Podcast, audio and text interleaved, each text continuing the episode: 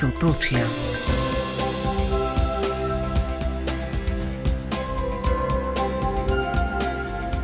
Dober večer, lepo pozdravljeni vsi, ki ste se odločili za družbo rojakov in rojakin iz sosednjih držav.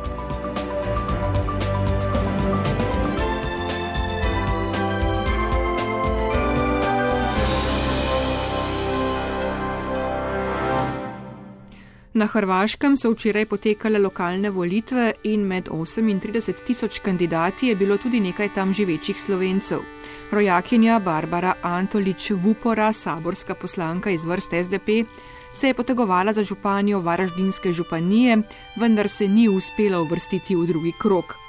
Na različnih listah je kandidirala tudi peščica drugih rojakov in rojakin, kako uspešni so bili pa v nadaljevanju oddaje. V Umagu so v soboto ob desetletnici slovenskega kulturnega društva Aida in ob dnevu mesta v galeriji Ljudske odprte univerze slovesno odprli likovno razstavo z naslovom Mojca in Leja. Svoje dela predstavljata umetnici povezani še od srednješolskih let Mojca Cerja, ki slovenskih konic z ilustracijami, in Leja Brnetič Zelenko iz Grožnjana s keramiko. Ob spoštovanju epidemioloških ukrepov se je odprtje udeležilo nekaj deset obiskovalcev, med njimi predstavniki mestnih in županijskih oblasti ter predsednica Zveze slovenskih društv na Hrvaškem Barbara Riman.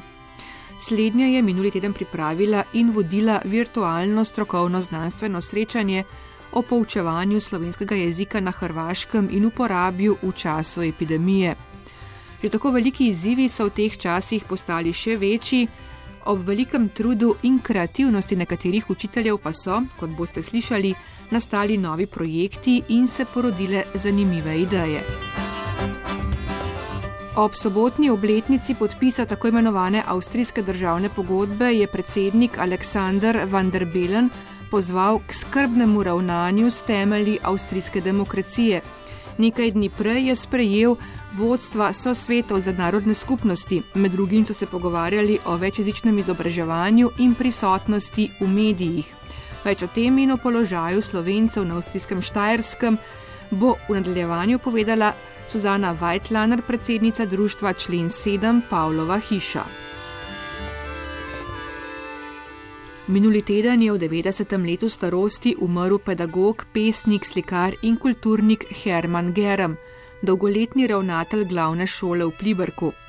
Sodeloval je pri pripravi učbenikov za slovenski jezik, pisal je pesmi in črtice, literaturo za otroke, ukvarjal pa se je tudi slikarstvom.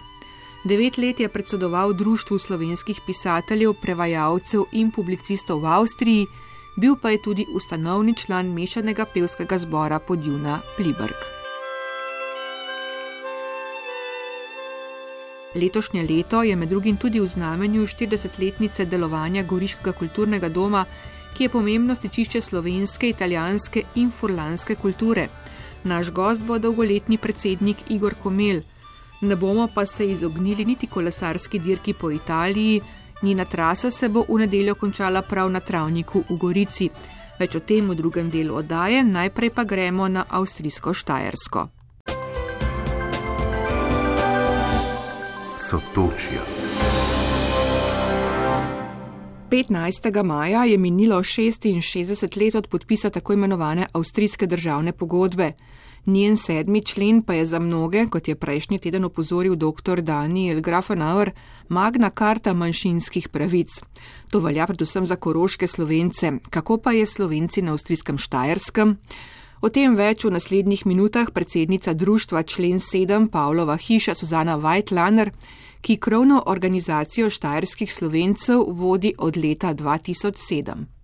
Čeprav so nam nekateri učitelji, da smo preveč previdni, da premalo uh, um, zahtevamo, ampak situacija je na Štajerskem um, veliko bolj kočljiva kot marsikje drugje in je treba uh, previdno ravnati. In na začetku se je tudi zgodilo, da pač ene in druge interese niso bili um, usklajeni in moramo paziti, da te ljudi, za katere to delamo, naše delo ne zavračajo. In uh, tu gre za vprašanje identitete, um, kako se vidijo, uh, pa tudi uh, kateri jezik govorijo. To je tako kočljiva zadeva. In um, nekdo, ki pride od zunaj, bi morda rekel, ja, pa to in ono in drugo morate še zahtevati in oni morajo to delati. Ampak, če Slovence in Slovenke na Štarskem potem m, kam porineš, kamor ne želijo iti, uničiš več, kot želiš s tem doseči. Tako da mora to res previdno, korak za korakom. In tako mislim, da smo v teh več kot 30 letih že kar nekaj um, dosegli. Ja. Razmere in položaj številčnejše slovenske narodne skupnosti na avstrijskem Koroškem in gradiščanskih Hrvatov ni primerljiv s položajem štajerskih slovencev, ki so veliko poznaje začeli opozarjati na svoje pravice, opozarja naša sogovornica. Pot bo tako še dolga in veliko zadev je še odprtih, pravi. Na štajerskem se več doseže, če imaš partnerja, ki je pripravljen sodelovati, kot da ga presiliš eh, sploh na terenu, eh, kar se tiče šolstva. Dosti krat se je v zgodovini pokazalo tam, ker so angažirani ljudje in, in se je nekaj razvilo, tam, ker stopiš do, do šol, eh, vrtev, kakorkoli že in reč, vi bi pa morali, takrat so že vrata zaprta. In Seveda bi se mi a, želeli, da bi tudi na Štarskem v tem obmejnem prostoru končno imeli en, en dvojezični šolski sistem oziroma da bi bila slovenščina bolj v spredju in ne samo a, postovoljni predmet, da bi bile več slovenske ali dvojezične napise. Na obeh stranih meje moram reči, meni se zdi v eni regiji, kjer živijo Nemci in Nemci, Avstrijci, nemško govoreči in slovensko govoreči, tu in onstran mure bi moralo biti to skupni cilj obeh regij. In um, da se pokaže, da ta pestrost, ta večjezičnost, ki je prisotna. Pred kratkim um, sem šla v trgovino Lagerhaus in pri blagajni vidim letak v slovenščini. Seveda vem, da je to za ciljno skupino slovencev iz Gornje Radkone, Murske sobote in tako naprej, ki hodijo nakupovati sem. Ampak kljub temu, pred leti ne bi naredili takšnega letaka, ki bi rekli, pa vse slovenci znajo dosti dobro nemško, pa cifre znajo brat, bodo že razumeli. Um, in sem bila res pozitivno presenečena, da to tam v slovenskem jeziku leži en letak.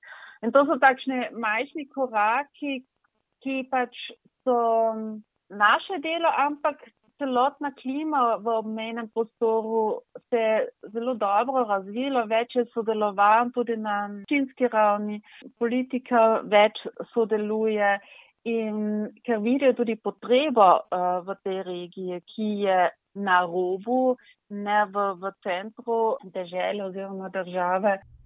Treba je iskati skupne cilje, čezmejne sinergije in krepiti regijo ob Muri, pravi. Gre za majhne korake, ki vodijo v še boljšo prihodnost.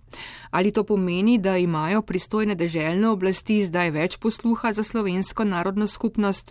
Deloma so naklonjeni oziroma tega odpora, kot smo ga imeli na začetku, um, ni več in tudi na področju šolstva je pripravljenost. Je pa tako, da rečejo, ne, ja, če bo šola želela, bomo to podprli, ampak lastnih inicijativ v tem smislu zdaj ni ali pa da bi nekaj forsirali. Torej, je že od nas oziroma pač od drugih akterjev odvisno, da, da stopimo do njih, sami od sebe ne stopijo v akcijo. Pozitivni premiki pa so, dodaja Suzana Weitlaner. Recimo od lanskega leta prej imamo v Gradcu skup, dvojezično skupino v vrtu. Torej, v skupini sta dva vzgojitelja, ena vzgojiteljica, ki govori uh, samo slovensko z otroki, vzgojitelj pa samo v nemškem jeziku. Je pa zanimivo, ker so tudi v tej skupini uh, otroci drugih narostih in um, imajo tudi različne uh, druge jezike, ki govorijo doma, ne vem, po turško ali arabsko ali hrvaško, kakorkoli že. In uh, se pa je izkazalo, da, da ta sistem zelo dobro funkcionira in uh, tako starši kot, kot tudi otroci so sprejeli ta sistem in uh, seveda na začetku uh, je skupina še uh, šipka, ampak uh, upam, da skozi leta bomo tu še več um, slovensko govorečih otrok pridobili. Potem imamo že par let pouk materinščine, ki je še vedno sprejet, žal zaradi korone, zdaj pouk ni deloval, ker je to prostovoljna dejavnost in so to malo pustili ob strani, čeprav so nekateri učenci pridno brali doma in tudi s pomočjo staršev in učiteljice naredili različne na naloge. Načrt je, oziroma ena pobuda je, da bi ob vinski cesti ustanovili dvojezično ljudsko šolo. Za enkrat gleda zelo dobro in upam, da bodo oblasti to tudi podprli, um, ker to bi bila uh, res ena premjera na Štajerskem, da bi imeli uradno dvojezično ljudsko šolo. Tako da upam, da se bo to zdaj v letu dveh uh, uresničilo. Poleg dvojezične ljudske šole načrtujejo tudi dvojezični vrtec in srednjo šolo. Pouk slovenščine pa zdaj poteka predvsem kot izbirni predmet na nekaj šolah. Uspešen projekt izmenjave učencev pa ima deželna Štajerska šolska direkcija v okviru projekta Erasmus. Ne samo šole, ampak tudi više šole, vrtce uh, in da bi krepili sodelovanja uh, med uh, Štajersko in Slovenijo. In um, tu je tako iz strani Štajarske, kako tudi iz strani Slovenije vloženo veliko energije. To je res taka odlična akcija in upam, da bodo čim več šole to koristili um, in da se bo ta projekt, ta platforma tudi čim dlje ohranila. Izobraževanje je bila tudi ena od tem pogovora vodi so svetov narodnih skupnosti z avstrijskim predsednikom Aleksandrom Vanderbelnom. Suzana Weitlaner se ga je odeležila kot podpredsednica so sveta slovenske narodne skupnosti skupaj s predsedujočim Bernardom Sadovnikom. Predsednik države je narodnim skupnostim zagotovil podporo tudi na področju izobraževanja. Upamo, da da bomo tudi z ministrom za izobraževanje imeli v kratkem eno srečanje. Postavili smo različne teme, seveda še od medijev, kar je tu tuče. To še obljube, ki že dolgo leta niso uresničene, seveda tudi um, gospodarstvo, kar je za manjšine tudi pomemben faktor, morda ne za vse, ampak uh, tudi čezmejna sodelovanja, In predvsem Romi so izpostavili problem diskriminacije, tako da je to seveda ena zelo uh, pomembna tema, na kateri moramo žal še naprej delati, ker teh predsotkov ne glede ali si Rom, ali si Slovenc, ali si Avstric, ali pa si musliman, vse eno predsotki žal obstajajo in, in teh časih opazujemo, da, da ljudje vedno bolj mislijo v enih kategorijah in škatlicah in da ta širši pogled in, in razumevanje tudi za druge in akceptiranje drugih spet malo zgubi. Da se v novič obujajo stereotipi in se povečuje diskriminacija manjšin, Suzana Weitlaner pripisuje strahovom, ki se ljudem porajajo v času kriz.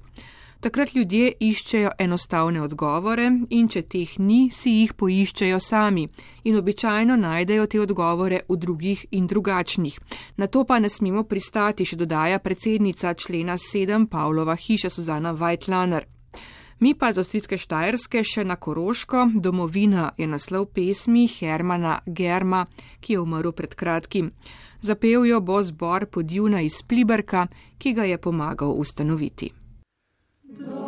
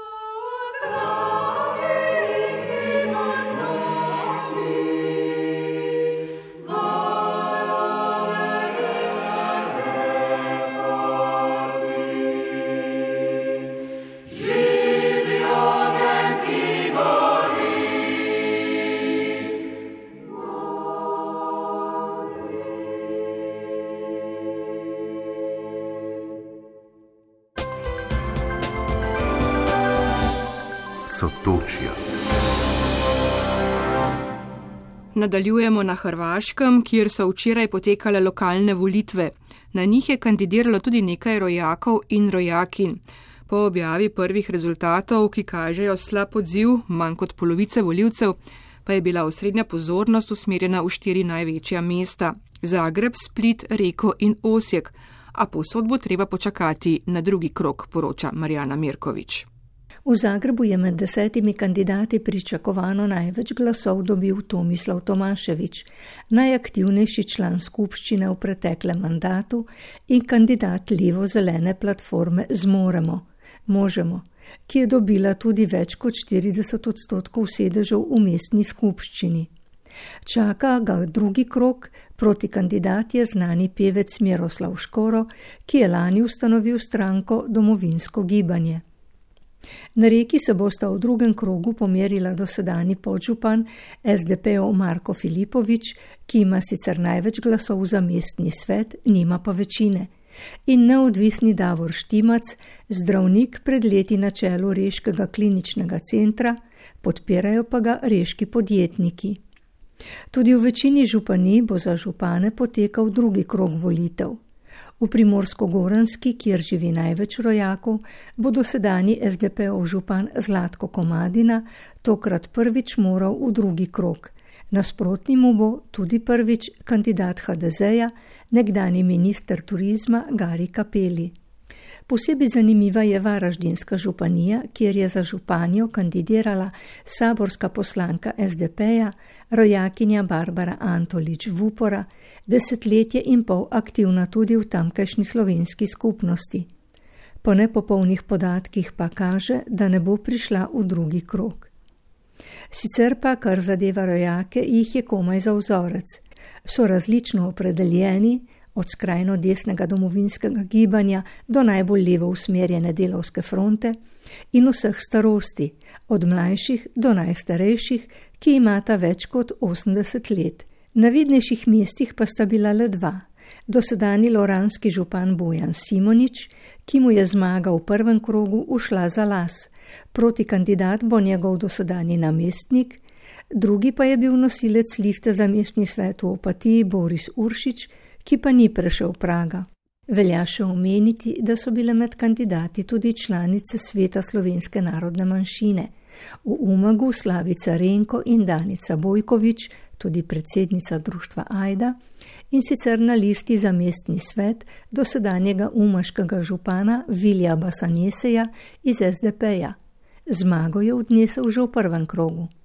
Na listi za istrsko županijsko skupščino pa je bila Eva Vrtovec. Med znanimi imeni pa je bila v okviru platforme Zmoremo za Zagrebsko skupščino kandidatka tudi rojakinja Nadežda Čočinovič, filozofinja, borka za ženske pravice in univerzitetna profesorica, povezana s stranko Nova Levica. Na nestrankarski listi v Novigradu v Istri pa je Jerica Zihrl, ravnateljica tamkajšnjega muzeja Lapidarium.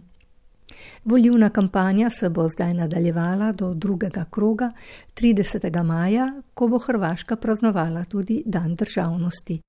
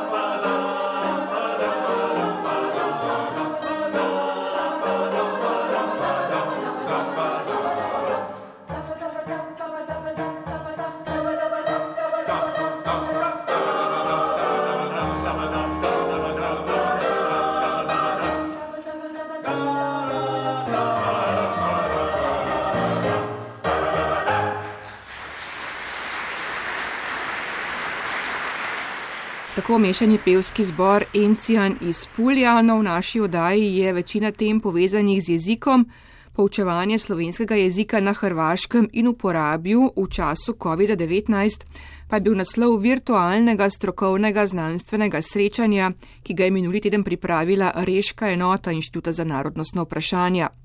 Na njem so predstavili izzive in dobre prakse, ki so jih učitelji razvili v času pandemije. Že tako veliki izzivi so namreč v teh časih postali še večji, učitelji pa še bolj prepuščeni lastni iznajdljivosti in kreativnosti. Dr. Klemen Lah, lektor in profesor slovenščine na filozofski fakulteti na reki in v Zadru, povdarja, da je reka res slovenski dom. Osupnilo ga je namreč, kako se povečuje tam zanimanje za učenje slovenskega jezika. Prihodnje študijsko leto tako načrtujejo že predmet slovenščina 4. Poseben predmet pa si obetajo tudi na prevajalski smeri, kar bo dodalo še dodaten zagon, pravi. Tako kot vsem je tudi njim izvedbo idej, ki so jih imeli, v veliki meri preprečila epidemija.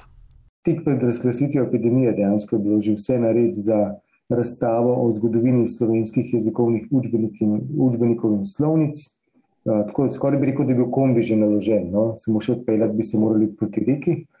Od takrat zdaj že ne dobro leto uh, mineva, pokopali te ideje nismo, ampak takoj, ko bo to mogoče, mislim, da bomo uh, to razstavo vzpostavili. Za učenje slovenskega jezika pa je seveda pomembna literatura. Teže je tudi z, um, to bo še naloga za naprej, uh, z slovenskimi knjigami, predvsem prevodi v hrvaščino. Tako da kdorkoli ima kakršne koli zaloge slovenskih del v hrvaščini, obe knjižnici mislim, da jih z veseljem pričakujete. Slovenski knjig imamo kar nekaj, tukaj pravzaprav ni težava. Težava je torej s tistimi študenti, ki začnejo A1, predvsem v Zadru, da bi bilo zelo dobrodošlo, če bi dobili predvsem sodobna dela prevedena v hrvaščino. Tako da tudi lažje potem dajemo seminarske naloge iz literature. Kljub pandemiji in pouku nadaljavo pa nekaj projektov uspešno poteka, podarja dr. Klemen Lah med drugim tudi prevod pesniške zbirke Petra Svetine počasno popovdne. Vsak študent je bil nekaj uh, zadolžen za eno pesem, tako da smo na seminarski nalogi to naredili, jaz sem zdaj samo še zamenjal. Petr Svetina, z njim sem stopil v kontakt, uh, je privolil, um, tudi tako prijazen je, da ni omenjal uh, finančnih nadomestil, ker ne vem, koliko bi se jih lahko privoščili. Ideja ki pa je zdaj vzniknila v sodelovanju z Barbaro Dimen, oziroma društvom, pa je, da bi te pesmi, ki so zdaj prevedene, tudi izdali in s tem se poklonili eh, predvsem slovencem na Hrvaškem. Drugi uspešen projekt pa je povezan s prevodi jedilnikov. Študenti so dobili nalogo, dobili so proste roke, ker spoznavali smo, eno poglavje je bilo spoznavanje uh, slovenskih jedi in pijač, in naloga pri tem je bila, da obiščejo bližno gostilno, restauracijo, uh, bar, uh, biti, ki ima torej vsaj hrano in uh, prevedejo. Dr. Klemen Lah je navdušil dolgoletno učiteljico slovenskega jezika na Hrvaškem Vido Srdoč, eno od začetnic dopolnilnega pouka. Lani je poučevala tri skupine v reki, tri v Pulju in dve v Umagu.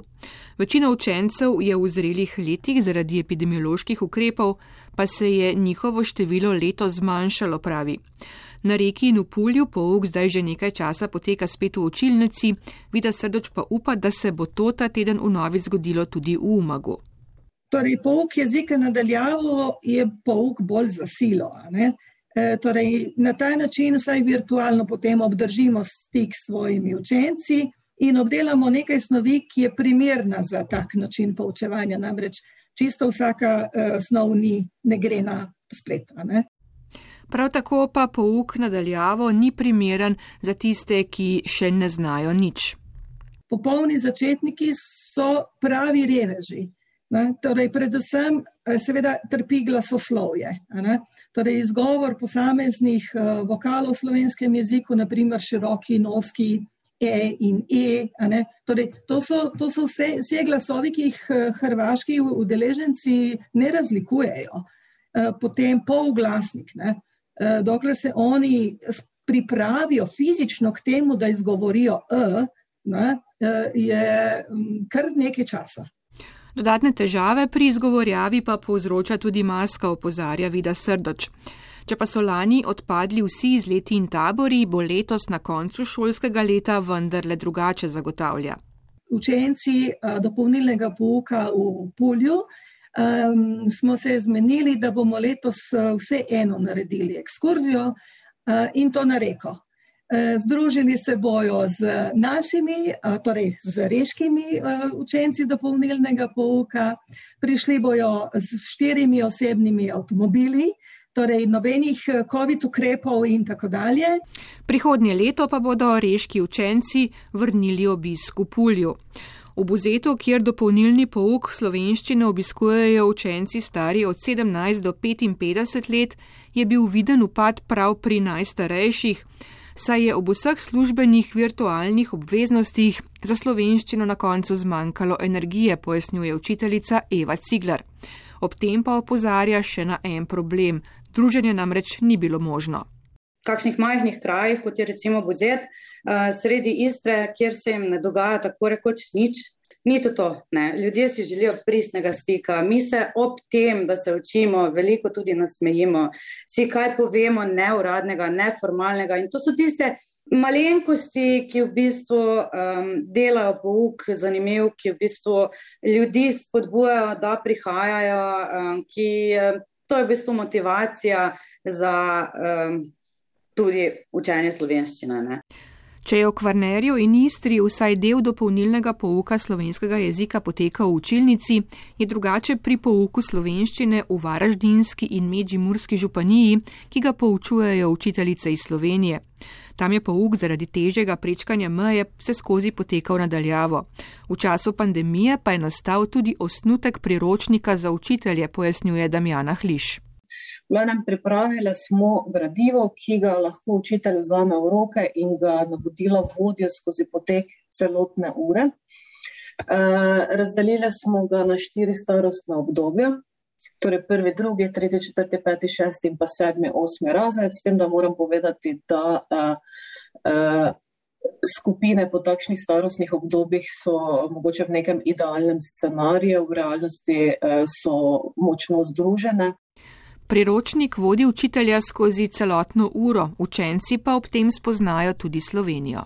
Ura se pa običajno zaključi s prostitveno dejavnostjo in izhodišče je pogosto neka že znana igra, ki smo jo pa predelali, preoblikovali po svoje. Običajno s temi igrami ponovimo, trdimo besedišče ali pa ponovimo delo tiste ure. Priročniku, ki je nastal lani, letos sledi nadgradnja, pojasnjuje Damjana Hliš. V tem letu pa smo se dela lotili bolj sistematično in pripravljamo delovni zvezek. Eh, torej delovni zvezek za učence. Eh, v nastajanju je sedaj za prvo starostno obdobje. Tukaj smo zdaj se že malo naučili, kaj nam je bolj v pomoč, kaj je uporabno in kaj ne. Projekt podpirata tako slovensko kot hrvaško ministrstvo za izobraževanje in predvidanje na tis priročnika, pojasnjuje dr. Barbara Riman, organizatorka strokovno-znanstvenega srečanja in predsednica Zveze slovenskih društev na Hrvaškem tako da ta zvezek bo natisnjen in bomo potem brezplačno dali vsem učiteljcam, učiteljem, ki so zainteresirani, to gre za prvi, drugi razred osnovne šole, bo šlo tu za tiste mal starejše, ki se šele začenjajo učiti, ampak da bo črno-belo, uh, ampak pač en korak, ki uh, izdelavi materijala za učenje slovenščine za tiste, ki govorijo hrvaško oziroma na hrvaškem, evo, smo začeli. Spodbudne novice prihajajo tudi iz Splita, kjer dopolnilni pouk slovenščine poučuje Vera Hrga. Izdali bodo prvo zbirko pesmi v slovenščini in hrvaščini, ki jo je napisala učenka slovenščine. Ona eh, ni slovenka po poreklu, eh, z, eh, skupaj z mano se je naučila slovenščine in je ustvarila prekrasno poezijo tudi v slovenščini. To se pravi, v teh težkih časih eh, smo tudi nekaj zelo lepega ustvarili in mislim, kot slovensko društvo, to je, naše prvo, to je naša prva knjiga. Ampak je rezultat dela pri pouku te naše učenke in pa ljubezni do slovenščine. In ker si učenci slovenskega jezika na Hrvaškem želijo javno predstaviti svoje znanje, se je na strokovno-znanstvenem posvetu porodila še ena ideja in sicer za virtualni literarni večer, večer poezije, proze in vina, ki naj bi potekal 8. junija letos. Vsekakor vas bomo o njem pravočasno obvestili. V nadaljevanju pa še več o pouku slovenščine v času epidemije uporabil takoj po nastopu mešanega pevskega zbora Bazovica z reke. Hribi se dela dan, hribi žarijo, bratje leven na plan na vrh, lani, hribi dola na podhola, svetja je vode, tukaj si me zdravila, laj naše zdaj. Hribi se dela dan, hribi žarijo, bratje leven na plan na vrh, lani. Byłem pod niebo czysto, jasno, tak.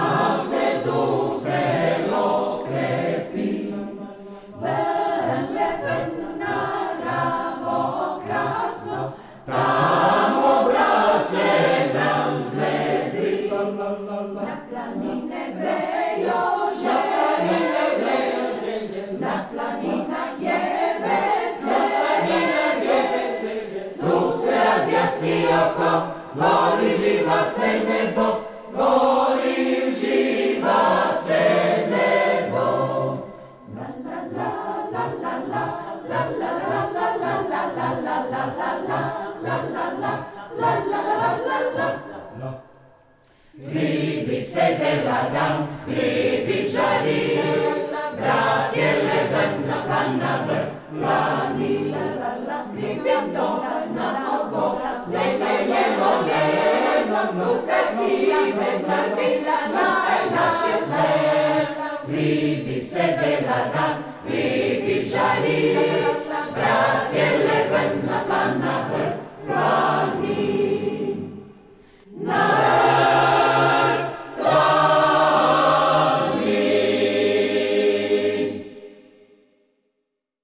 To je bil mešani pevski zbor Bazovica z reke v tamkajšnjem Društvu Slovenski dom je prav planinska sekcija med najdejavnejšimi. Mi pa zdaj nazaj k strokovno-znanstvenemu srečanju, kjer so svoje izkušnje s poučevanjem slovenščine nadaljavo predstavili tudi učitelji v uporabju prispevek Silve Eri. Valentina Novak, učiteljica asistentka, ki poučuje na Gornjeseniški dvojezični osemletki, je predstavila, kot je rekla, svoj izziv leta, proslavo ob slovenskem kulturnem prazniku, ki so jo uporabil naslovili Ne pozabi slovenecem. Ker je leto situacija onemogočala klasično proslavo, smo sem ali smo imeli dve možnosti: napisati uh, dopis, članek preko časopisa ali radia in na tak način nagovoriti, uh, nagovoriti porabce, porabke in ostale, ki so vključeni. Uh, torej, z tem smo imeli že nekaj izkušenj, časopis smo že pisali, uh, radijsko oddajo smo že delali. Vendar uh, jaz vedno razmišljam, ko razmišljam o programih, kulturnih uh, prireditvah, proslavah, igrah, imam v mislih generacijo, uh, posameznike, ki stopajo na določenih področjih in kaj lahko v bistvu tista generacija po posameznem obdobju da in na kakšnem področju so lahko malo močnejši. Torej, nekako sem se odločila, da mogoče časopis v tem primeru, ker nismo bili toliko skupaj z učenci, ne bi bila najboljša izbira in radio tokrat s to generacijo oziroma radijska oddaja, kjer bi napisali kakšno skupno igro, ne bi bila učinkovita, ker bi šlo verjetno potem za moj tekst in njihovo branje. Tako je nastala ideja z video. Za mano so številni šolski videi, verjela sem, da imam dovolj osnovnega znanja, da bom program lahko ustvarjala in da imam dovolj nekih idej, da bo situacija uh, se dala rešiti. Video lahko si ga ogledate tudi na YouTube kanalu Nas popelje z Goričkega uporabje in nazaj. Nastal pa je v sodelovanju z učenci, dijaki in odraslimi porabskimi slovenci. Pot uh, zvečer domov, uh, je naredila video rahlo melanholičen in odprla nekaj vprašanja, uh, kaj to vse skupaj pomeni, kaj sem jaz želela povedati. Na ključe je bilo, da je bila še rdeča luč uh, in stop za razmislek, dajte, poglejmo, kaj se dogaja, kje smo. Uh, ampak Šubert krasno in zadaj je potem seveda mate uh, recitiral preširna ta del, ko gledate sami, gre za relativno neko napeto, uh, napeto situacijo, ki jo potem Šubert izlije in da eno tako pozitivno noto, odpelje se avtomobil naprej in uh, s pevskim zborom naredimo ta balans, ki iz te noči prinese eno novo zgodbo, eno uh, tako, ki je povezana, vsaj meni, z zelo veliko pozitivne energije, uh, ki je jasna, oziroma posamezniki, porabci in porabske res držijo skupaj in na tak pozitiven način uh, se poklonijo in naredijo ta video, uh, vsaj na koncu. Uh, s zelo pozitivno noto. Na Gornjem Seniku so se pri poučevanju nadaljavo sprva posluževali Messengera, v zadnjem obdobju pa je pouk potekal preko Teamsov. Imeli smo normalno pouk, torej ni bilo um, in je bil v, na ta način, tako kot smo zdaj mi. Vsak dan smo se srečevali in kar sem jaz vzela kot zelo dobro, je bilo, da je ravnateljica odločila, da imamo kar šest ur slovenščine, torej pet ur plus eno uro spoznavanje slovenščine in smo vsak teden imeli šest ur slovenščine. Jaz mislim, da je to bila dobra odločitev, da so učenci prihajali, ni bilo nobenih zamujanj, res smo delali in torej v sklopu učne vsebine nadaljevali normalno pouk, plusi, minusi, seveda, izobraževanja nadaljavo so, vsak se potem znajde in naredi tako, kot misli, in svoje učence dobro pozna in ve, kaj jih lahko motivira, in pri katerih stvarih so oni tisti, kjer lahko res nekaj potem uh, dodatnega pridobijo, uh, pa na nek način s tabo, kot učiteljem, tudi komunicirajo in nadgrajujejo svoje znanje. Tako da v tem delu smo mi bili v tem uh, mogoče na boljšem, ali pa mogoče je bilo lažje nam, tako našim otrokom oziroma učencem, kot učiteljem je še pojasnila Valentina Novak. Metoda Perger, ki kot učiteljica asistentka deluje tako na Števanovski osnovni šoli, kot tudi na šoli Monoštru, pa je pojasnila, da so na obeh šolah pri pouku slovenskega jezika učencem učno gradivo posredovali predvsem po elektronski pošti. Tisti, ki so pridni, tisti, ki desno delajo tudi pri pouku, so se javili. S tem, da pač moram povedati, da je med šolo Aran Janoš v Monoštru kjer je narodnostna slovenščina in dvojezično osnovno šolo v Števanovcih zelo velika razlika. Osnovna šola v Števanovcih. Tu je pouk slovenščine tako rekoč obvezen, ker drugače ta šola ne bi obstajala kot taka. V Monoštru pa so se javili k pouku slovenščine tisti učenci, ki imajo resnično slovenske korenine, in ki so se želeli učiti slovenščine. Se pravi, da je motivacija na strani monoštrskih učencev večja in tudi tam je bil večji rezultat sedaj v času pandemije. V Števanovcih pa so pač to, ne vem, mogoče me kolega Laci lahko popravi, ampak kolikor mi je znano od vseh mojih učencev, ima samo en učenec slovenske korenine, vsi ostali pa so čisti mačari. Tako da je slovenščina tam nujno zelo. Ampak vseeno smo se nekako prebili, sedaj imamo že drugi teden, vsi spet pouk v živo. Uh, in uh, upam, da bo tako ostalo tudi do konca šolskega leta. Da je poučevanje nadaljavo še posebej velik izziv, se je strinjal tudi Laci Domjam, ki v letošnjem šolskem letu poučuje slovenski jezik in književnost v drugem, tretjem in sedmem razredu. Ne vem, kaj bo prinesla prihodnost, ampak mislim, da ne bo svetla. Za uh, porabje in za človeštvo, ne vem, ne vem, kaj bo iz tega. Naslednje leto, če se bo pandemija nadaljevala in seveda, če preživim, takrat eh, sem se tudi jaz odločil, da bom delal eh, s programom Teams, ker ta program je res, drugi kolegi pravijo, da je dober, da imajo možnost, da se pogovarjajo z otroki, ni treba otrokom s telefoni in ne vem, s čim še pošiljati naloge po mailu, lahko se skupaj dogovorimo, recimo na začetku ure, lahko popravimo domače naloge, vsi naenkrat lahko popravljamo in jim povemo, kaj in kako naj, lahko jim dajemo navodila, ker to tako, da pošiljamo in potem čakamo, pa niti besede ne govorimo, to tako ni bilo v redu, po mojem mnenju. Je na strokovnem posvetu svoje izkušnje in strahove pojasnil Laci Domjan, učitelj slovenščine v drugem, tretjem in sedmem razredu. Izzivi pri pouku slovenskega jezika so tako v času pandemije dejansko postali še večji. Nekaj dobrih praks pouka nadaljavo, prek spletnih aplikacij pa bo verjetno ostalo. Tako misli tudi Roman Gruden z Ministrstva za izobraževanje, ki z učitelji v sosednjih državah sodeluje že 20 let. Vsi skupaj ugotavljamo, da imamo težave predvsem pri najmlajših in pri najstarejših oziroma začetnikih, ker seveda tisti, ki jezika dovolj obvladajo oziroma tehnik ne obvladajo, imajo s tem največ težav. Po drugi strani pa ta neka, bomo rekli, sredinska skupina se marsikje zelo ojačala, ker jim je tudi dostopnost eh, na nek način eh, omogočena. Ne. Ni treba fizično priti nekam, ampak se lahko priklopiš, tako da marsikje je slušateljev celo več kot prej. In eh, to so vsekakor take zanimive informacije in izkušnje, Eh, in prepričan sem, da po koroni bomo verjetno vsi skupaj marsikaj pozitivnega, kar smo usvojili v tem obdobju, tudi ohranili za naprej.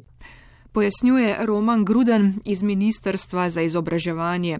Svet se pač spreminja in z njim tudi naše življenje in delo, pandemija pa je to vse še pospešila. Ampak ključ na koncu tega dolgega tunela se zdaj vendarle kaže, zato nikakor ne smemo obupati. sotočja. Na brežini blizu Trsta se tvoj oče je rodil, kjer je v morju skalja čvrsta, se po brodu je podil, zimi z vuljo se boril. Šolo hodil je v gorico, ko prihajal je vozil se je z jadrnico, z ribiči veslav na lov, tja do istarskih bregov.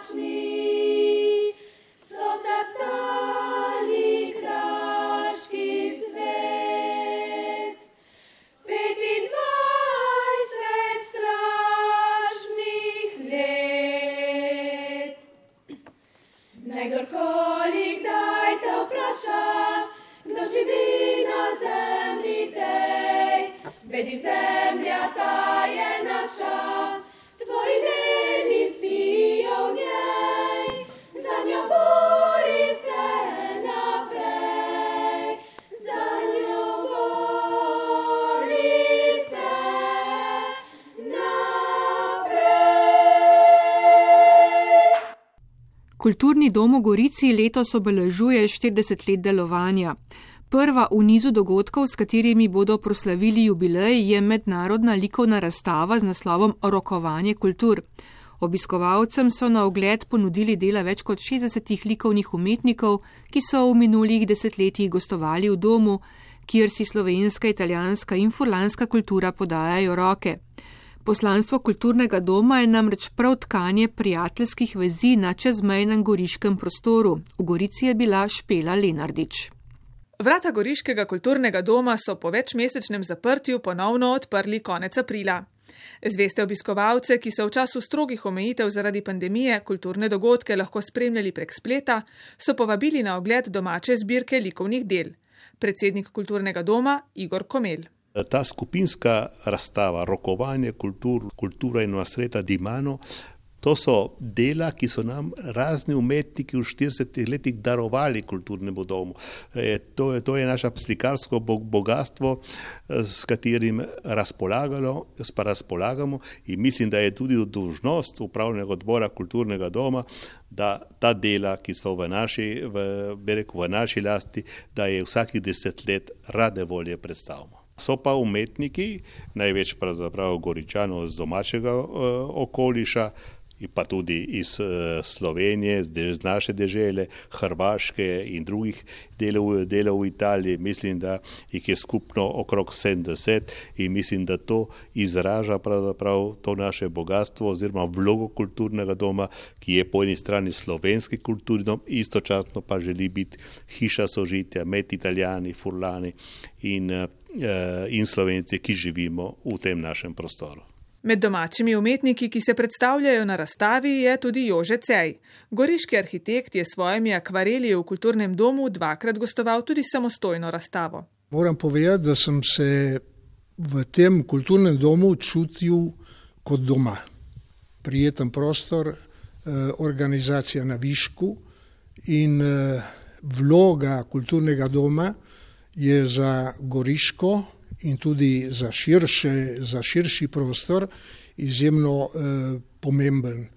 Posebno, če pregledamo dejavnost skozi desetletja, kar se tiče vizualne umetnosti, eh, imamo tukaj kar eh, velik razpon iskanj in tipologije tega iskanja. Tudi tokratna skupinska razstava je raznolika, tako iz vidika tehnik kot baru in načinov izražanja. Običajno se letno v domu zvrsti več kot deset likovnih in fotografskih razstav. Lani decembra so pripravili prvo spletno razstavo. Posvetili so jo tržaškemu slikarju Klaudiju Palčiču in doživeli velik uspeh. Zabeležili so več kot 40 tisoč ogledov. V kulturnem domu je zaživela tudi pobuda za spominsko obeležje vsem padlim slovenskim vojakom prvi svetovni vojni. Spomenik, ki so ga v Dobrodobu postavili leta 2016, je prav tako delo domačega slikarja in arhitekta Jožeta Ceja. Mislim, da je kulturni dom eh, tukaj pravi primer tega sožitja na, na meji.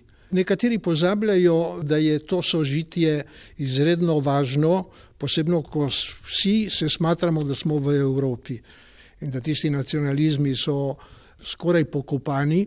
Zato pa velja kulturni dom eh, res za Goriško in širšo okolico kot primer, ker se ta družabnost in tudi furlanska, goriška, italijanska in slovenska počutijo prav doma.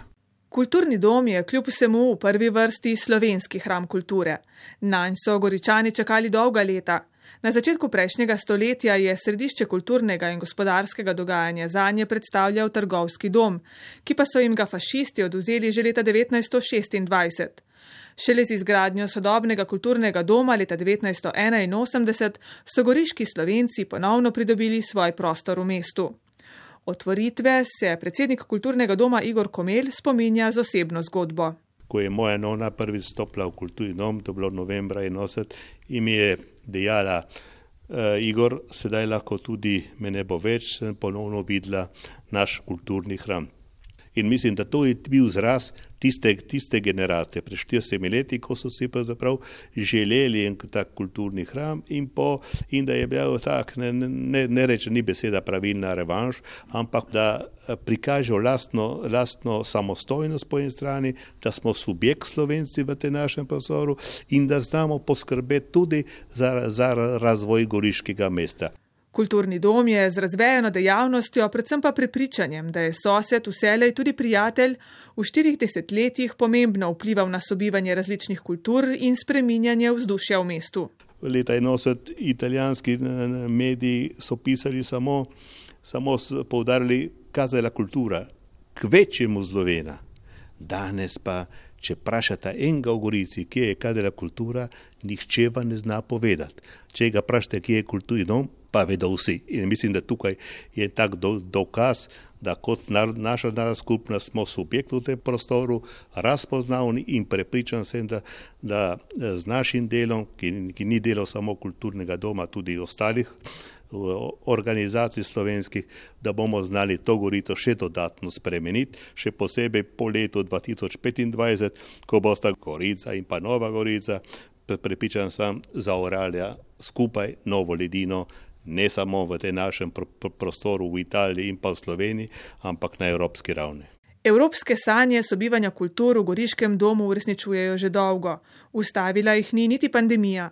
Že konec meseca napovedujejo koncert mladih glasbenikov. Nadaljevala se bodo gostovanja slovenskega stalnega gledališča, pa tudi predstave priljubljenega domačega komičnega festivala Komigo. Eden izmed dogodkov, ki dokazuje uspešno sodelovanje na Goriškem, pa se bo odvil že ta konec tedna, ko bodo skupen čezmejni prostor povezali najboljši kolesarji sveta.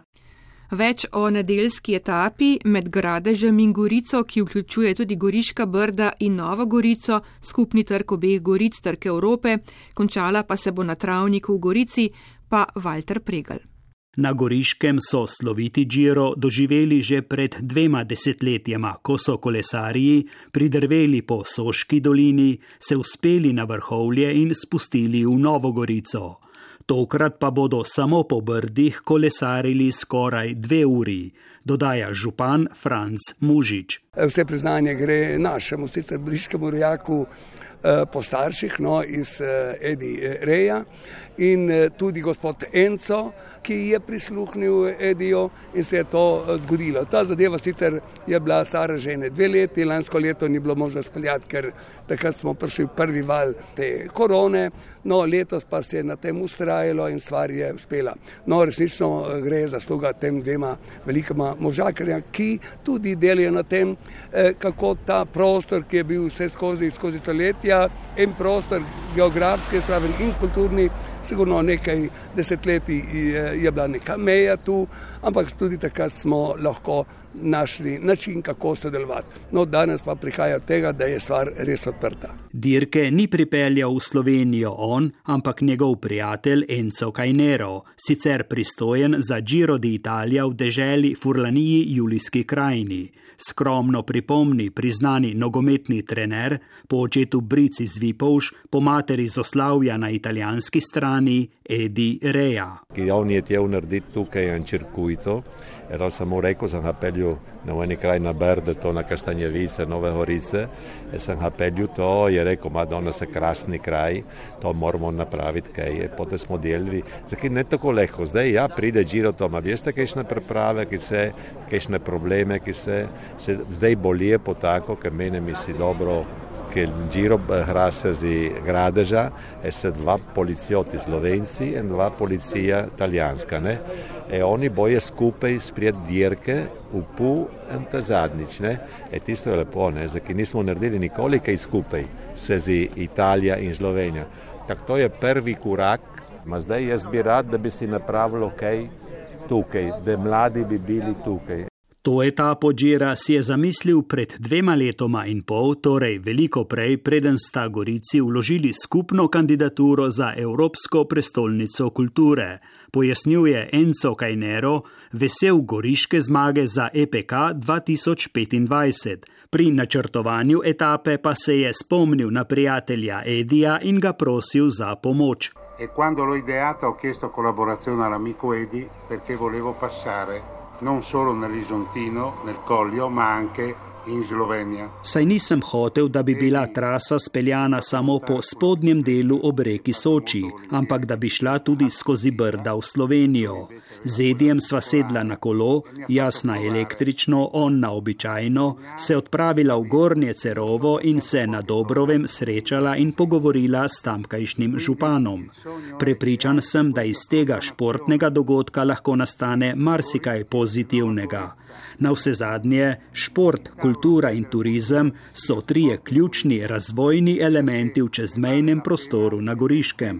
Upajmo, da bo to ljudski praznik. Naturalmente bellissime, straordinarije. Che sia una festa di popolo. Giro pomeni po besedah župana Gorice Rodolfa Ziberne najbolj prepoznaven športni dogodek v Italiji in ima ogromen turistični vpliv po vsem svetu. Goriški prostor pa je prepleten s tisočletno zgodovino. La nostra grande sfida è quella di far conoscere i due comuni. Naš veliki ziv je predstaviti ta prostor svetovni javnosti in za promocijo poleg zgodovine pripraviti in vključiti vanjo takšne velike dogodke. In to na meji, ki je v preteklosti povzročala trpljenje na eni in drugi strani, velike razdore. Naša velika prednost je v tem, da pridobitev Evropske prestolnice kulture obogatimo s poročilom, ki ga v Evropo in svet prinaša Giro in gremo skupaj k cilju 2025. Capitale europea della cultura di Nova Gorica e di Gorizia a correre verso questo straordinario traguardo del 2025.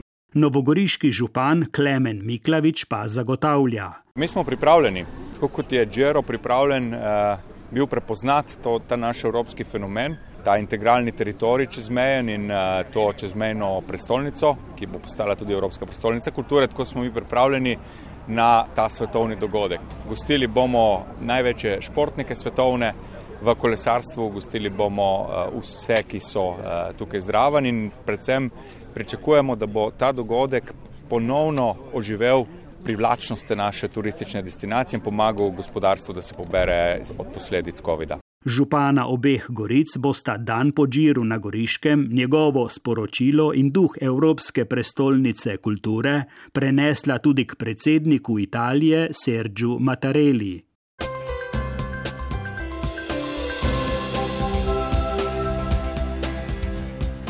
Sotočja smo tokrat pripravili tonski mojster Jrnaj Boc in novinari Marjana Mirkovič, Silva Eriš, Pela Lenardič, Walter Pregel in Mataja Železnikar.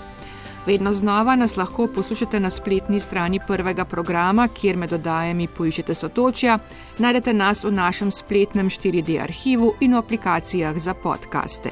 Srečno in nasvidenje do prihodnje oddaje. Sotočja.